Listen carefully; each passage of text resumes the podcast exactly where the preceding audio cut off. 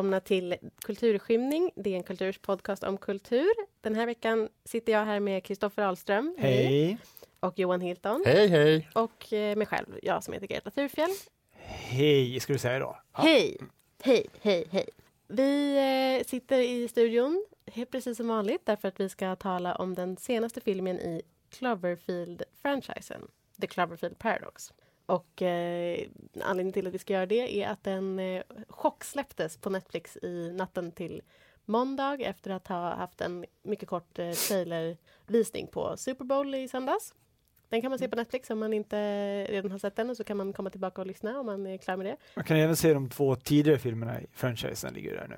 Cloverfield och 10 Cloverfield Lane. Vi ska återkomma även till dem. Ska men... man vara krass så skulle man också kunna hoppa över Cloverfield Paradox, men, men vi kommer dit. Vet du vad, Vet du vad Johan, det där får du vänta med till senare. Uh. jag tänkte att Kristoffer kunde få berätta lite grann om vad Cloverfield-serien är för någonting. Säger det... man, för det första vill jag fråga så här, säger man Cloverfield? Jag tänkte precis rätta dig. Eh, Cloverfield? Jag skulle nog säga Cloverfield, för att Cloverfield. du säger till exempel om, om liksom själva växten, klöver, four leaf clover. Jag tror att det är en dialektal fråga.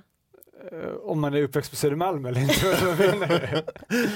men I så fall, det kan man ju säga om allt i så fall. Ja. ja det finns ju ett det... korrekt grammatiskt uttalande. Nej, eller fonetiskt, förlåt. Mm. mm. Ja men det gör det väl inte om det, om det är olika beroende på var i USA man uttalar det till exempel. Men det måste väl finnas en riksamerikansk grej? Gör det inte det? Jag vet inte om det finns en riksamerikanska som det finns en rikssvenska. Vi kan skicka ut den frågan till någon av våra mer um, mm. Ja, lyssnare. hör av er på valfritt sätt, lyssnare. Ja. Jag kommer att säga Cloverfield, så får vi se var, var vi landar. Queens English. Ja, eh, det är väl en, eller det är en väldigt löst och ledigt hållen franchise, en, en antologiserie kan man väl säga, för att varje film är liksom inte direkt kopplad till föregående eller följande. Så att det är liksom ett väldigt löst universum som de här filmerna utspelar sig i, eh, där det egentligen bara är ett eh, monster kan man säga som sammanbinder dem och som dyker upp i olika skeden av filmerna. Det finns liksom inget så att det är någon skådespelare som överlappar i några roller eller sånt som återkommer i filmerna. Men framförallt så är det väl då att det är eh, nördmaestron JJ Abrams som står för producentrollen och liksom har skapat själva konceptet från början. Vilken skulle liksom underbar liksom vara, titel, Nördmaestro. Men det skulle liksom vara att USA hade ingen riktig, så här monster, riktig monsterfranchise. De hade King Kong, det var en sak, och Godzilla kom liksom från eh, mm. Japan då, så mm. att han ville skapa någonting ja, alldeles eget amerikanskt och då blir det här Cloverfield-monstret som dyker upp. Första Cloverfield-filmen är ju en riktig sån liksom eh, ja, monster attack Gammeldags monsterfilm. Ja, mm. uppblandat då med det klassiska, det här found footage-formatet, så man kan säga att det är som Blair Witch Project möter Godzilla, typ, liksom berättat ur i en värld efter 9-11? Ja, på ja men precis. Det är väldigt det temat som känns liksom när Frihetsgudinnans huvud kommer rullande ja, symboliskt mm, gatan. Mm, mm, mm. Och första Cloverfield-filmen kom 2008 mm. och Ten Cloverfield Lane kom 2016. 16. Jag har en teori om detta men vi kan ta det sen. Ja precis, men det är väl bara om man bara ska liksom berätta kort så är väl det som är liksom det sammanhängande. Det är Monster och det är JJ Abrams och sen är det ju så att de här två filmerna som kom senare har från början inte alls varit tänkta Nej, som del av franchisen utan har liksom i, i efterhand ja, skohornats in med liksom manusförändringar och så. Och det är väl därför de långt och länge inte alls känns som att de ens utspelar samma universum. Sen kommer någon liten detalj. Som liksom... Men det är så, för det har nämligen varit min teori, att J.J. Ja. Abrams har suttit på liksom ett gäng manus mm. som han inte riktigt vet vad han ska göra med och så har han skrivit in ett monster för att liksom... Det är precis så det är. Mm. Det är precis så det är. Precis, precis så är det. Gud vad fantasilös jag är. Ja, ja, eller han. Eller en god observatör. ja. Så att det finns en potentiell möjlighet att nästa film, är en, eller näst, nästa film blir en romantisk komedi fast med ett monster. Det är absolut, mm. det, det, skulle vara verkligen mm. genreböjande.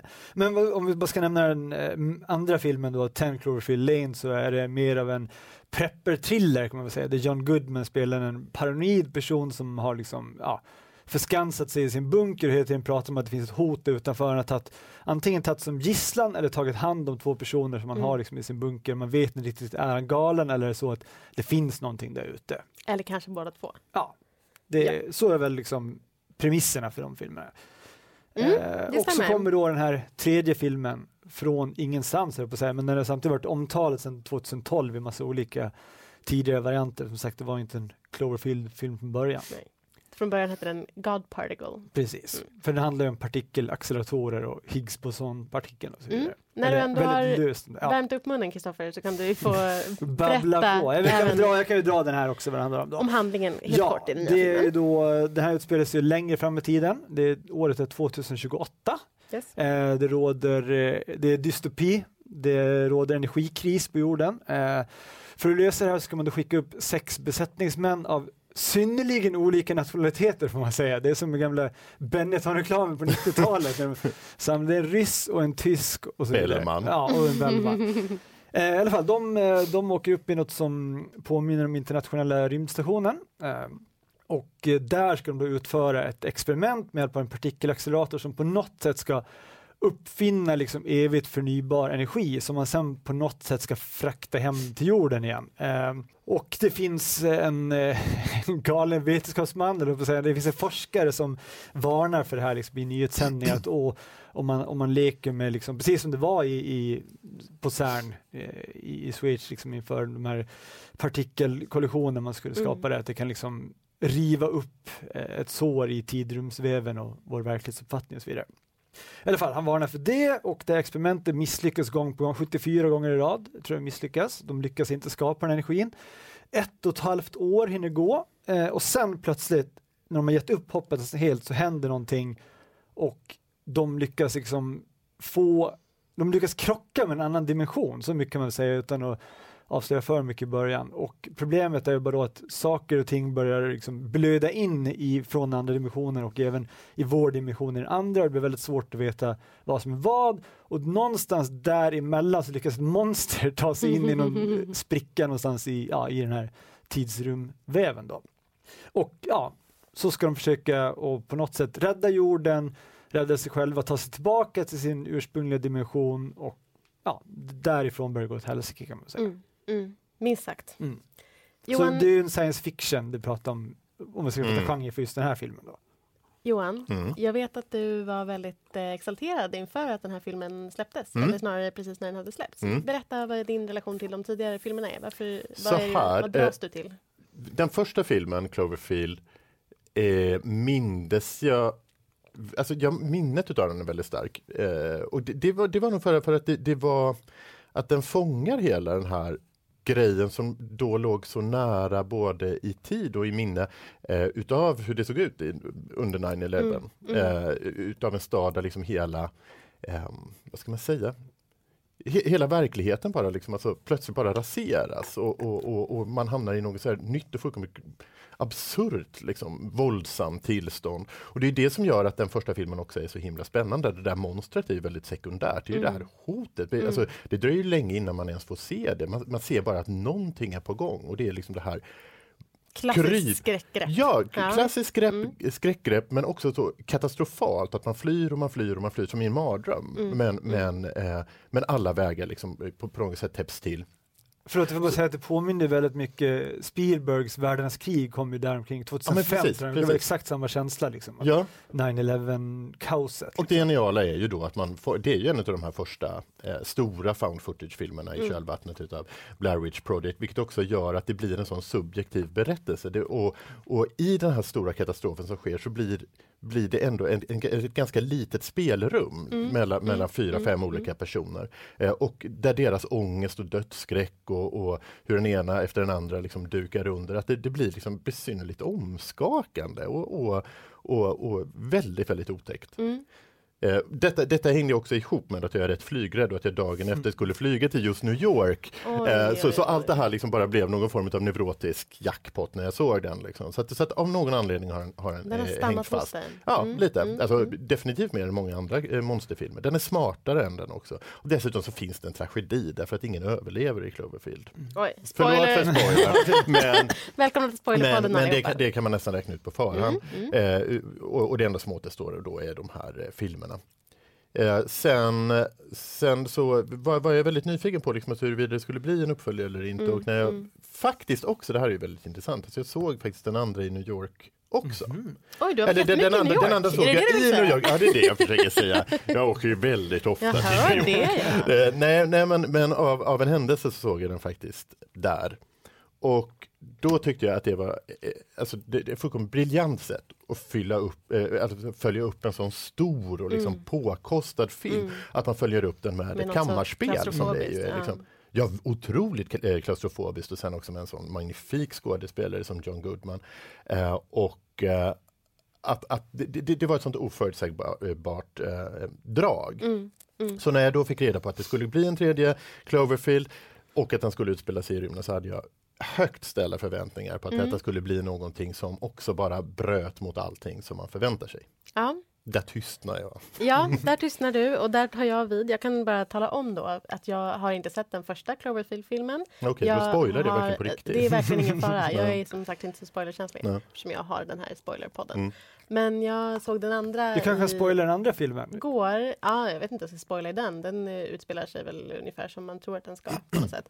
Men, men ja, för jag vet att du är väldigt förtjust i den också och Mm. du är med Johan. Men, men den, jag tyckte att den var bra. Jag tyckte verkligen inte att det var något liksom, större fel på den. Jag var väldigt, eh, den är ju gastkramande får man säga och väldigt nervig så.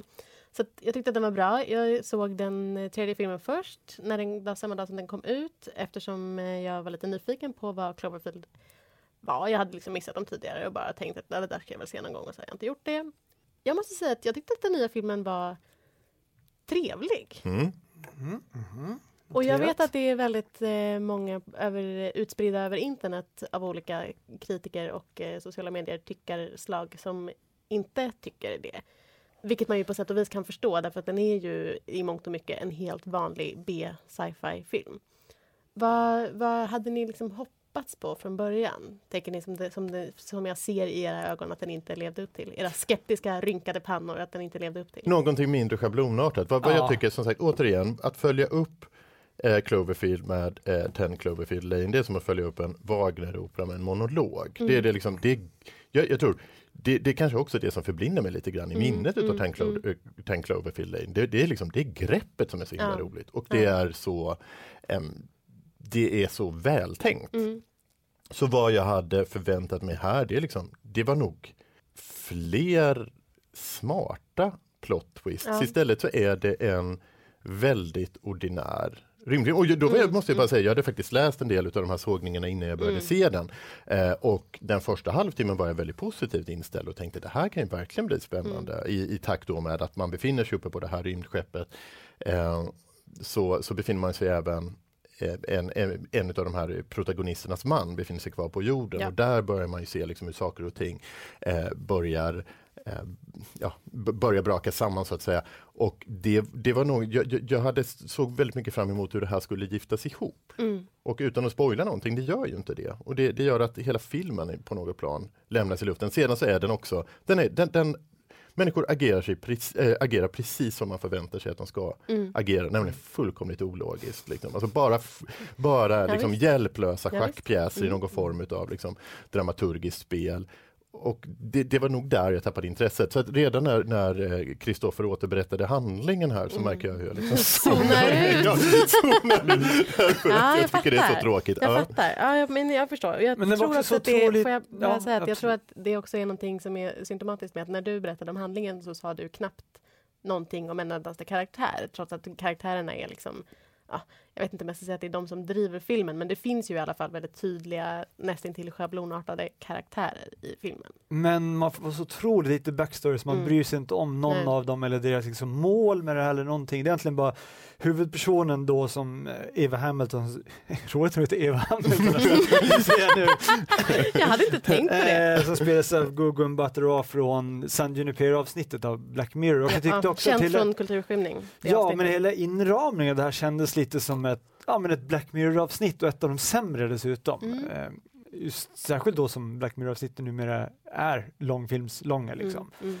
Eh, Men jag kände också att den var så otroligt klumpigt berättad och liksom expositionen i början ska förklara upplägget. Jag tror sen de första 15 minuterna så var det så här fem, sex gånger så upprepar de vad deras uppdrag var och då sen när hon sitter med sin pojkvän i bilen och bara hon ska åka iväg ett halvår, han bara ja men det, ja, hon ska liksom motivera varför, så säger hon rakt ut och börjar prata om ja men vår energi, liksom, resurser på jorden är slut. är ja. lite mm. Det här uppdraget kan frigöra energi som kan rädda oss. Jag tror att han vet om det, jag tror ni har haft diskussioner förut. Och bara, ni ska... gifta i tio år ja. kan det ju hända att ni har, har haft Och du ska iväg ut i yttre rymden i ett halvår. Ja, ja. Visst. ja men för någonting som också är i grund och botten ganska simpelt. Jag kan mm. tänka mig att det inte är jätte jättemånga som kommer se den här filmen som inte redan har sett ett tiotal filmer på ungefär mer eller mindre samma tema. Mm. Så det är inte så att man måste förklara för liksom den allra mest eh, oerfarna tittaren vad det är som ska ske. Nej, Sannerligen inte. Och sen var det också, har man, som Johan var inne på med schablonerna, liksom, redan jag kommer ihåg när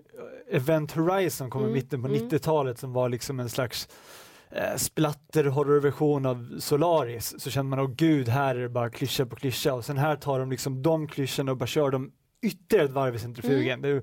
Med tanke på hur komplicerad intrigen är så är det ändå intressant att de får med så många klichéer. Ah, det, och jag tycker heller inte att de gjorde tillräckligt mycket av liksom nu är inte jag säger, ett superfan av säg Interstellar eller någon av de här liksom eh, huvudverks eh, sci-fi filmerna men det kändes också, de gick aldrig på djupet riktigt med det här vad det innebär liksom när dimensioner då kolliderar mm. och ja, olika versioner av människor förekommer i, i Nej, båda de här eh, verklighets ja, verkligheten helt enkelt. Det är intressant för om man som jag följer nya säsongen av, eh, eller första säsongen av, av Star Trek Discovery, den nya serien, så är, så är ju eh, handlingen i princip exakt densamma. Alltså de, I Star Trek Discovery så, så lyckas de liksom för, åka in i en annan dimension, en parallellvärld där liksom alla finns liksom en, en, annan upplaga av den personen och sen så är det mycket så här hit och dit med vem är vem och kan någon ha, ta sig dit tidigare? Ja men, ja, men precis, för, för det är inte jättemånga som är jätteintresserade av det. Jag är väldigt intresserad av sånt. Det, ja. Jag tycker det är ett underbart jättebra grepp och därför kanske jag också gillade Cloverfield Paradox mer än mm. många andra för jag tycker det är roligt. Liksom. Men det som är skillnaden är ju att här blir det nästan som att det bara är alltså som en förväxling komedi. Eller liksom att det, det är liksom inte, inte komedi, men det, det, är inte så mycket mer. Och i Star Trek Discovery är det väldigt mycket mer därför att de gör riktiga saker med det. Och mm. hur, vem som är, liksom, vilka relationer folk har till varandra. Och här är liksom huvudtemat det att Eva, Eva Hamilton vill och vill stanna kvar i den andra världen där, där hennes barn, barn, som är döda det, i den första mm. världen fortfarande lever. Punkt. Men det är också just detta som, som är så jävulskt tråkigt med, ja, det det. med, med Cloverfield paradoxet och, och med andra filmer utav den här kalibern. Det är väl samma sak i i Interstellar också, mm. att så fort det finns en kvinnlig protagonist så måste hon på något sätt kedjas fast vid en familj. Ja, verkligen, liksom. verkligen. Samma sak, om jag inte minns fel, i, i den här Sandra Bullock-filmen Gravity, mm -mm. också att hon längtar mm hem till sina barn. Och i den som Sen handlar om att de ska tala med, med Precis, med Amy Adams. Ja. Som jag tyckte, alltså, jag, alla de här filmerna tycker jag egentligen om. Liksom. Mm. Men, men, en kvinna får aldrig vara solitär. Det är väl till och med Ripley eh, kedjar mm. man fast en unge vid i den andra filmen. Visst. Och just det där, för det där sitter man ju verkligen bara Eller och väntar på. Ja, men till och med. någonting någonting som så här, föremål för, för omvårdande egenskaper. Mm. Och det är också just det som jag satt och väntade på i Cloverfield Paradox. När kommer familj? Alltså så här, mm. Hon kan inte bara ha en pojkvän, naturligtvis har hon barn ja, någonstans ja, också. Varför mm. skulle hon annars vilja återvända Nej. till jorden? Nej. Och det hintas tydligt i början också om att det finns en tragedi i bagaget på något sätt som gör mm. att hon också mm. vill åka eller att hon känner ett behov av att liksom ta sig därifrån. Mm. Som ju också är verkligen precis det som man tänkte sig. Jaha, de har säkert haft barn och så är barnen borta eller döda eller liksom skadade på något sätt. Och så var det så. Och så var det inte så mycket mer. Jag menar, det tycker jag var en alltså, makalöst slapp del av mm. en berättelse som jag tyckte var i grund och botten hade liksom potential att vara ganska rolig. Eller ja. ganska liksom, just i den här kontexten också ganska nyskapande. Precis som du säger. Men där, där finns ju också, där, där, fanns också ett upplägg som, som jag hade hellre sett. Eh, en missad chans. Och det är ju när hon bestämmer sig, när de här alltså, olika dimensionerna då gått in. Det, det här kanske låter fullkomligt obegripligt, men de här dimensionerna krockar ju då som sagt och man, man byter plats på något sätt. Eh, och när hon överväger tanken att återvända till jorden mm. bara för att få träffa sina barn ja. igen, så finns det ju en förfelad chans där hon hade gjort med sitt andra jag. Det där hade, det där hade vi kunnat mm. ha en, en, en ordentlig springedörrafars. oh ja, om, om, om. Visst, hon hade kunnat döda händer, sitt andra ja, jag precis, och bara flytta Vad händer om man mördar sig själv ja, i och, ja. och, och, ersätter den personen? Mm. Men det fanns också någonting klumpet i hur de skulle få det här att liksom bli en del då av Cloverfield-universumet. För här skulle då mm hela den här liksom dimensionsklyftan eller skrevan ska då förklara varifrån monster kommer från början, för det har man Mm. aldrig fått en förklaring till. Liksom. Och då är det självklart, det är ju jävla Men är det så att standardlösningar. det är men är det så? Var placerar den, den här filmen sig i tid i jämförelse Ja, med det de är andra? det, det som kommer till. Ja, det är också sån jävla universallösning att använda någonting som liksom en, en reva i dimensioner för att den här vetenskapsmannen eller forskaren som de har med i en nyhetssändning pratar om att ja det här kan liksom skapa effekter både framåt och bakåt Mm. i Ja, tiden och så vidare. Mm. Jaha, okej, så att det monstret som var med 2008 kom alltså då från 2028 man färdas bakåt Mm. genom tidsrummet. Och Men dessutom är det en sån tråkig lösning. Ja, För det, det det, så roliga med, med liksom den här gåtan i, i Cloverfield är att man inte vet var det kommer ifrån. Nej. Det ser ut som om, utan att de första indikationerna är liksom att det, det, det mullrar längst ner på Manhattan och, och att att, att det finns någon slags indikation på att det har kommit upp i havsdjupen. Mm. Eh, och att det gör det så fruktansvärt obehagligt. Ja. Eh, så att, att det finns någon slags uråldrig ondska som bara ligger och vilar under oss. Mm. Eller ja, så obehagligt, men ni förstår väl. Ja, det är en men- roligare idé. Men det är liksom alltid den här eh, ja, standardlösningen att det, liksom kom, det öppnats en portal någonstans. Mm. Och det är liksom, även vi såg eh, Guillermo del Toros den här eh, Pacific Rim, det är exakt samma sak. På Just det. havsbottnen har det öppnats en rev från en dimension och därifrån kommer de här liksom, ja, japanska kaiju-monstren. Jag kommer knappt ihåg det, jag blandar nog ihop det med Transformers. ja, men är så. Eh, Det är så de besegrar monstren. Exakt.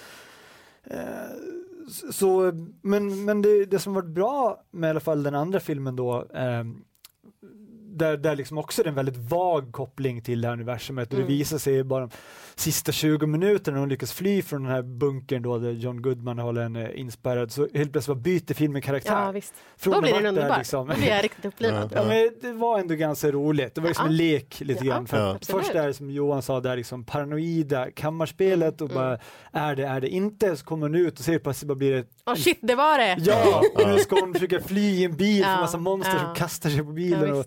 Ja, och så vidare. Men där funkar det på något sätt, för man har hela tiden tänkt så här, man tänker ja men kanske är det så att det aldrig var någonting. Mm. Det var liksom bara han som var paranoid och visst. spärra in folk. Ja. Och sen bara går de all in med liksom Hollywood action och Ja. det var som i slutet av Adaptation, den gamla Charlie Kaufman-rullen, där de hela tiden pratar om så här, ni får inte ta lösningen med biljakter, och sen bara en lång jävla biljakt.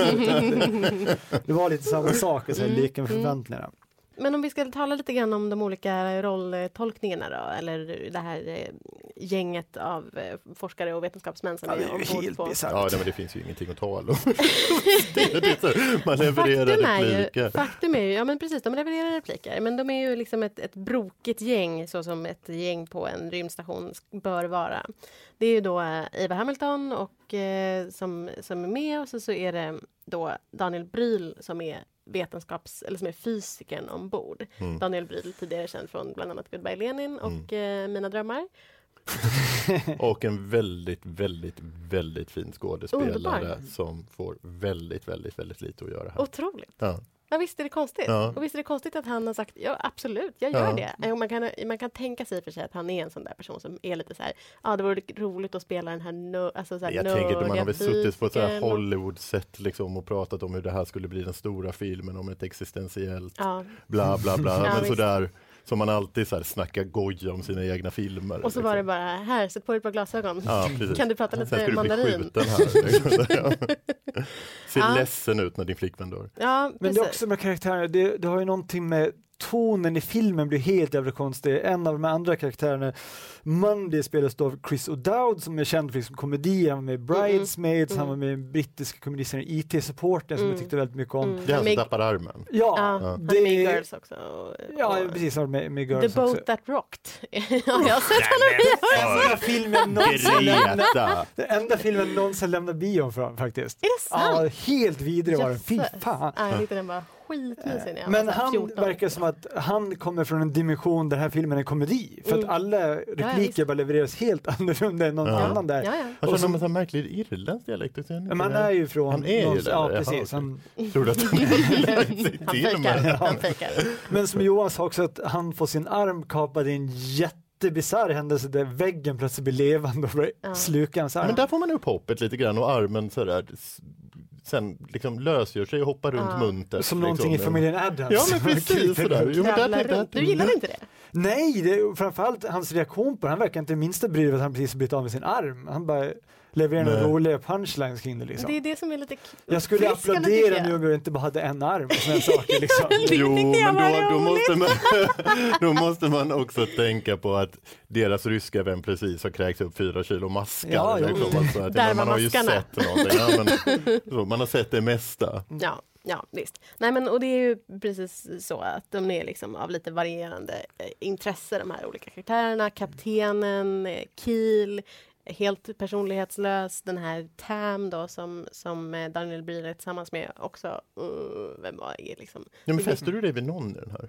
Är det Arman? Nej, Arman ska jag säga vem jag fäste mig vid? Jag fäste mig vid Mina Jensen som spelas av, av eh, Elisabeth Debicki. Som är, har inte varit med så mycket tidigare men har dels ett otroligt utseende men framförallt en, liksom, en annan typ av... Det är hon som de hittar i, Inne i i ett last eller i en sorts liksom, eh, gång bakom väggen. Ja, hon kommer så. från den andra dimensionen och har fastnat inne i väggen bland massa sladdar. Bland massa sladdar, med Genomborrade sladdar, grejer och, och genomborrade repar sladdar. sig fort. Mycket! Imponerande fort. Ja, Gott läkkött. Ja, det får man säga. Bland många saker. Att hon gott lärt eh, och sen, men och, och, hennes roll visar sig ju sen vara liksom bland det. Alltså att hon bara då är så här, eh, intresserad av att själv få ha- hand om den här tekniken så att hon ska kunna eh, rädda sin egen del av, eller sin egen dimension på något sätt. Eh, inte världens mest spännande roll när hon går runt med en pistol där på, på eh, olika däck och skjuter olika människor. Men Det är kanske är In- några av de mest snarkiga eh, inslagen i den här filmen. Också. jag visste det. det. Jag visste det. Men jag, Hon agerar precis som man förväntar sig. Men hon ska. inledningsvis, eller när hon dyker upp där, så kände jag ändå, då kände jag ett annat hopp som var så här, tänk om hon, de var så, och när hon var så ömsint med, med Eva Hamilton så Mm. kände jag, det kanske är någonting med dem. De kanske ska, liksom, det, det kanske ska vara någon sorts eh, interdimensionell romans här som börjar. Och de, liksom, de, de hittade varandra så omedelbart därför att den här eh, Mina Jensen kände sin planets, eller sin dimensions Mm. Eva Hamilton och sådär. Så det var, det var ändå, då kände jag, okej men det här kanske kan bli någonting, det här kanske blir en annan typ av historia och så där tänkte jag, färgad då av att jag redan hade sett eh, Gogo Batara i San Junipero. Men, men det blev inte så. Nej, En sak jag också tänkt på, i ingen av de här dimensionerna eh, så pratar de om de här monstren, att de finns. Ändå så är det, det är bara de här två dimensionerna som har krockat och ändå har monstren liksom kommit fram. Har de liksom klämt sig in från ytterligare en dimension då på något sätt? Eller har de uppstått i själva clashen mellan vilket dimensioner? också så en otrolig nödlösning på något sätt, liksom, som inte får någon förklaring eller någonting.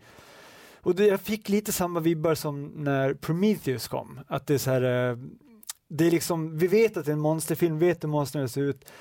Eh, Det är ett helt konceptet bygger på det monstret, man får aldrig se det. nej. Det är liksom som en alien-film utan alien-monstret. Men vänner, det är då man zonar ut. Ja, och och inte, inte bekymrar sig mer. Mm. Mm, nej men precis, för det är väl lite så med den här filmen överlag, att man ska inte bekymra sig så mycket utan det ska bara vara en rolig ride. Men det som är Men det konstigt, var ju faktiskt inte en så rolig ride, det var det inte. Alltså, det var en det var- trevlig liksom. jag tycker det var en trevlig, jag skulle, Ja. säga så här, det var en trevlig ride, jag vet Ja. inte om det var en rolig ride, men det var en trevlig ride. Men det är ju för att jag också är förtjust i den här typen av liksom, så här, Mm. en helt vanlig sci-fi film. Mm. Men kan ni svara på varför, dels varför JJ Abrams valde att liksom sätta sitt namn på den, varför det ändå är så pass liksom stora skådisar som har valt att gå in i den och göra någonting av den, varför Netflix har valt att köpa Mm. den. Ja men det, det sista tror jag att jag har ett svar på. Ja. Eh, och det har att göra med att den här filmen har varit på gång länge, sagt 2012 under namnet God Particle. Sen har det varit mycket problem med att så här, liksom, reshoots två gånger Mm, om. mm.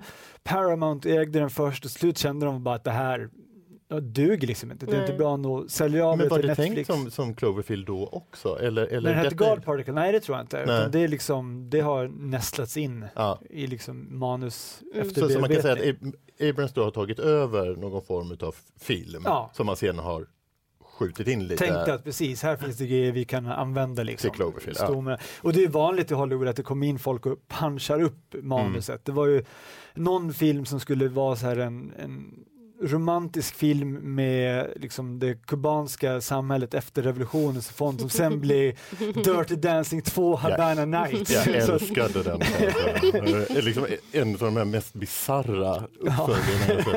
Ja. men det är just för att det var inte en Dirty Dancing film från början. Men Nej, någon visst. bara det var tänkte sin tids Cloverfield. mm. Ja, Nej, men jag sen- menar bara varför, varför är den så liksom bristfällig då? Ja, det är bara Varför dåligt kunde, hantverk. varför kunde man inte ha gjort den bättre? Om man nu gärna ville ha den i den här ganska väl ansedda liksom, franchisen. Ja, men jag vet inte, inte det är som att sätta läppstift på en gris. Ja, men varför gör man det, Johan? jo, men det, jo, men här har man väl satt lite läppstift på en gris Ja, helt enkelt. ja. Nej, men den är, det är, jag, jag förstår inte heller riktigt varför den ska skohornas in i Cloverfield. Det måste jag säga. Alltså, sådär, är, det, är det för att man då hittar Nej. någon form av logisk lösning på ett monster som man inte orkar förklara till de andra filmerna? För vad som Kanske. ryktas om i den nya då, Som dessutom kommer i år i oktober. den kommer redan i Mm. Ja, den oktober. kommer så snart. Den kommer så Som utspelas under andra världskriget. Ja. Overlord heter Mm. den och den eh, precis kommer senare i år. Som eh, man kan utläsa av titeln Operation Overlord så utspelar den sig under landstigningen i Normandie under andra världskriget. Och då är väl tanken då att om den Verkligen här... att hedra dessa hjältars minnen genom att klippa in ett manus där. Som att ni inte hade det jobbigt nog. Men då är väl tanken att det som berättas i den här filmen att liksom de här monstren nu även kan färdas bakåt i tiden på grund av den här liksom Men vadå, ska det, ska, det, ska det bara vara så framöver nu att det är så här, vi har en film här som handlar om franska revolutionen. Nej, vi Ja. slänger in ett Ja, monster. men det är det jag tänker, det är också Ja. just den här, den här traven med manus som jag tänkte på i början. Ja, Liksom. ja, ja. Att, Ja, ja, det kan det vara vad som helst. Ja. Det, och man behöver liksom aldrig utveckla historien utan det är bara att Nej. slänga in ett Jag monster. måste säga att jag gillar tanken på det här ganska mycket. Jag tänker så här, det vore ju lite kul, eller? Jag tänker vad man skulle kunna göra med gamla så här, svenska tv-serier, Goda grannar, Svenska hjärtan. Alltså, det finns ju oanade Kan vi möjligheter. locka J.J. Abrams till en sån reboot av Rederiet? Ja, med, med stora havsvidunder. Ja. Det vore väl underbart? ja, gärna Ja. för mig. Innan vi går vidare från eh, denna film som vi har lite olika tankar om så tänkte jag att Kristoffer skulle få göra, utföra ett litet test på dig och mig Johan. Han Mhm. har nämligen förberett en sorts eh, klysch, klyschometer Mm. kan man säga. precis, i, ja, i ett antal punkter. I liksom saker som är vanligt förekommande i den här typen av science fiction-filmer. Den här listan skulle kunna göras typ 100 punkter lång, men vi kör väl en 7-8 bara för att se liksom om det är ungefär så. Eh, finns det en vetenskapsman som varnar för konsekvenserna av ett experiment och vad skulle hända om det utfördes? Ja, på Ja. bästa sändningstid i tv där varnar för demoner. Vilket var en fullkomligt rimlig reaktion. ja. Och att han står helt oemotsagd. Det finns inget Nej. där det inte snackar om falsk balans i Jo, nyhetsrapporteringen. jo, hon- jo, hon- programledaren där säger ursäkta, Nej, men- menar men- du verkligen? Gör de det? För jag fick Ja. någon so Ja. talking about demons? Ja, Lär. SVT Opinion. Ja, eh, utförs experimentet ändå? ja, Ja. Blir det precis som vetenskapsmannen förvarnar om? Ja, Ja. Och eh, blir det då sen ombord på det här rymdskeppet så att någon i besättningen först infekteras av en utomjordisk livsform men väljer att inte berätta för de andra av någon anledning och sen börjar han bete sig väldigt annorlunda aggressivt och dör sen under våldsamma kramper när han kräks upp det här monstret. ja. Yes. inklusive ett jätteobehagligt ögon en ögonförflyttning Just som det. är kanske det, Det var obeha- det var obehagligaste i filmen. filmen. Ja, tyckte jag. Otroligt Ja, Jag var läskigt. väldigt förtjust i de här maskerna som man spydde upp också. Liksom. Det var hink Men det var efter ju- hink. Ja men det var ju ingenting, det var inte ett monster, det, det var ju bara Nej, det, Nej, det var kilo maskarna. maskar. Det var maskarna som de de hade i ett terrarium Ja, tidigare. men precis, det är väl otäckt.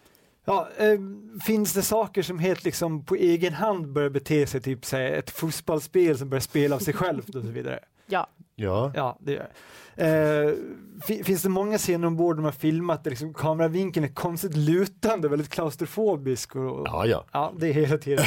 Och dör sen besättningen ombord en efter en på olika besynnerliga sätt. ja. ja. Ja, Men se. hur var det han, den här armlöse dog för att det var liksom någon form av kvicksilver? Ja, han har ju något? en sån här Nej. tätnings, typ silikonfogmedel som plötsligt blir levande och börjar genomborra honom. Nej, Just det blir det. inte levande. Det, det är en, magne det är en Magnes, ma- ja. magnetism som drar ut allt det här lösningsmedlet som Ja, han har liksom... För samtidigt griper det liksom med Ja. tag i honom som tentakler, sliter honom tillbaka och Ja, genomborrar att borra sig in i hans ögon och sådana saker. Ja. Och man får aldrig någon förklaring till varför hela rymdskeppet börjar bete sig som en levande organism plötsligt och väggarna slukar människor levande och sådär. Och Någon Nej. gammal rest ifrån en spökhistoria. Ja, det var en tredje film. Ja, det, här, det spökar på Hill House som de la in en vändning där. Ja, så vi kan väl konstatera att det är en total klyschfest, den här filmen. Det, Men en mysig sådan. mm.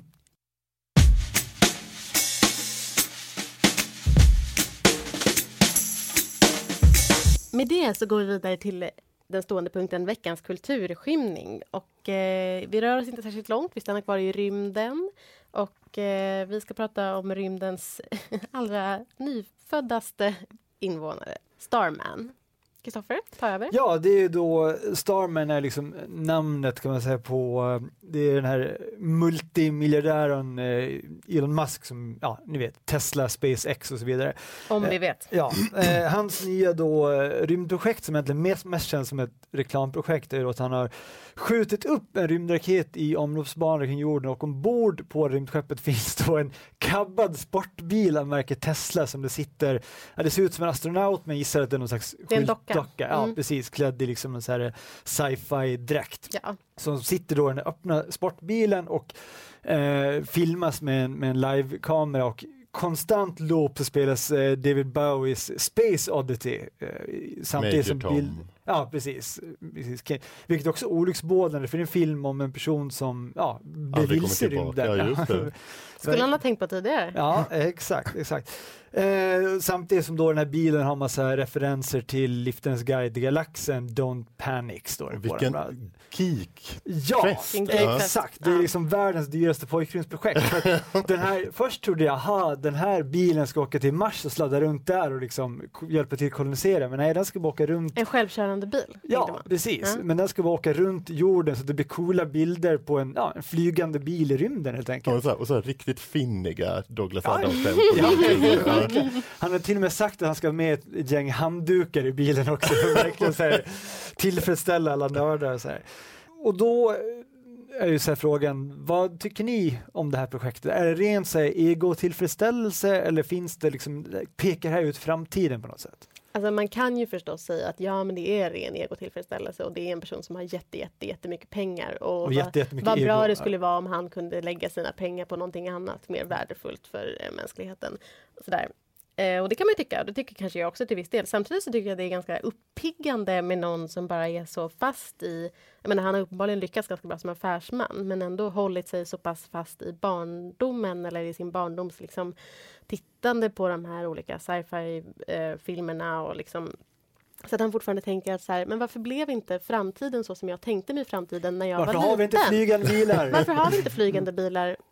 Och sen så här, just det, jag kan ju ordna det själv. Mm. Och det tycker jag ändå är lite roligt och lite rart på något sätt att han tänker att så här, jag skulle jättegärna vilja se det här.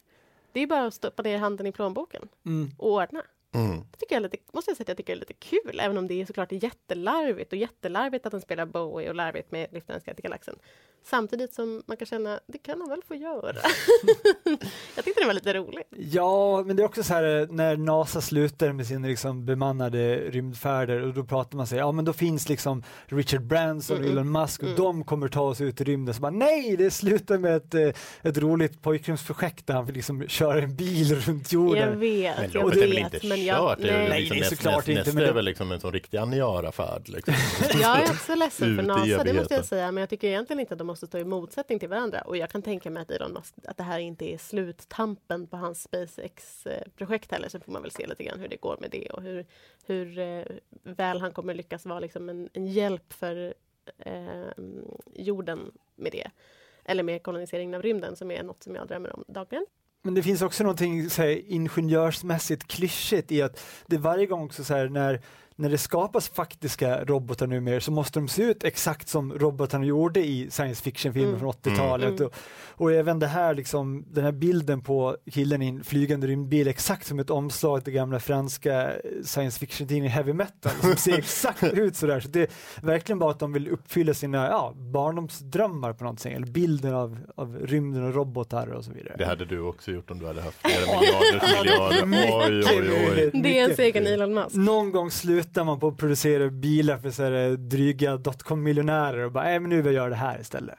Men det är Jag väl lite som i, i Cloverfield Paradox på något sätt. Att man kan, inte, man kan inte tänka så mycket längre. Man tänker jag ska fan upp med en bil i rymden. Men jag har så svårt att förstå den där längtan ut i rymden.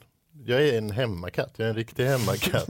men, men det verkar så jävla jobbigt. Jo men jag vill inte heller ut, jag är också det, jag vill inte heller ut i Alltså, det tar, rymden allt tar så själv. jättelång tid Nej, och men det ja, finns inga riktiga Johan, toaletter. jag behöver inte åka det liksom- rymden. Det verkar jättetråkigt och Ja. jobbigt där. Men jag tror ändå att jag, jag är ändå för att andra människor Ja, åker. nej men absolut. är Man är, väl, väldigt- man är väl tolerant ändå. En liber- liberal Man är medborgare. väl socialliberal. Exakt. Ja, Johan Hilton, du får tala för dig själv. Jag såg dessutom eh, bilder från Mars nyligen eh, som det faktiskt ser ut, Mm. där det inte är liksom som i filmerna det här röda, liksom Mm. ändå ganska vackra Mm. dammar, utan det är ju molnigt Mars också och då är allting bara grått och stenigt och dött. Dåligt väder. Ser ut som Island liksom, inte alls sugen på att Sen har man ju sett den här Matt Damon-filmen också. Jaha, eh, the... När han odlar tomater i The, Mar bajs. Mm. Martian. Martian. Det heter The, The Martian. Martian, Ja. ja. Mm. Ja, nej, det verkar jobbigt bara. Ja, nej, det, Ja, nej, nej, nej. När rymden koloniseras så stannar kulturskymning hemma. Absolut, absolut. Framför brasan med en god bok. Mm. Ja. Jag är Flygskannor inte måste den gälla även rymdfärder. Ja, precis. Åh gud, medelklassperspektivet på det där. Med det säger Kulturskymning tack för den här veckan. Kristoffer Ahlström, Tack, hej! Johan Hilton Tack, tack, hej. och jag Greta Thurfjell. Hej då!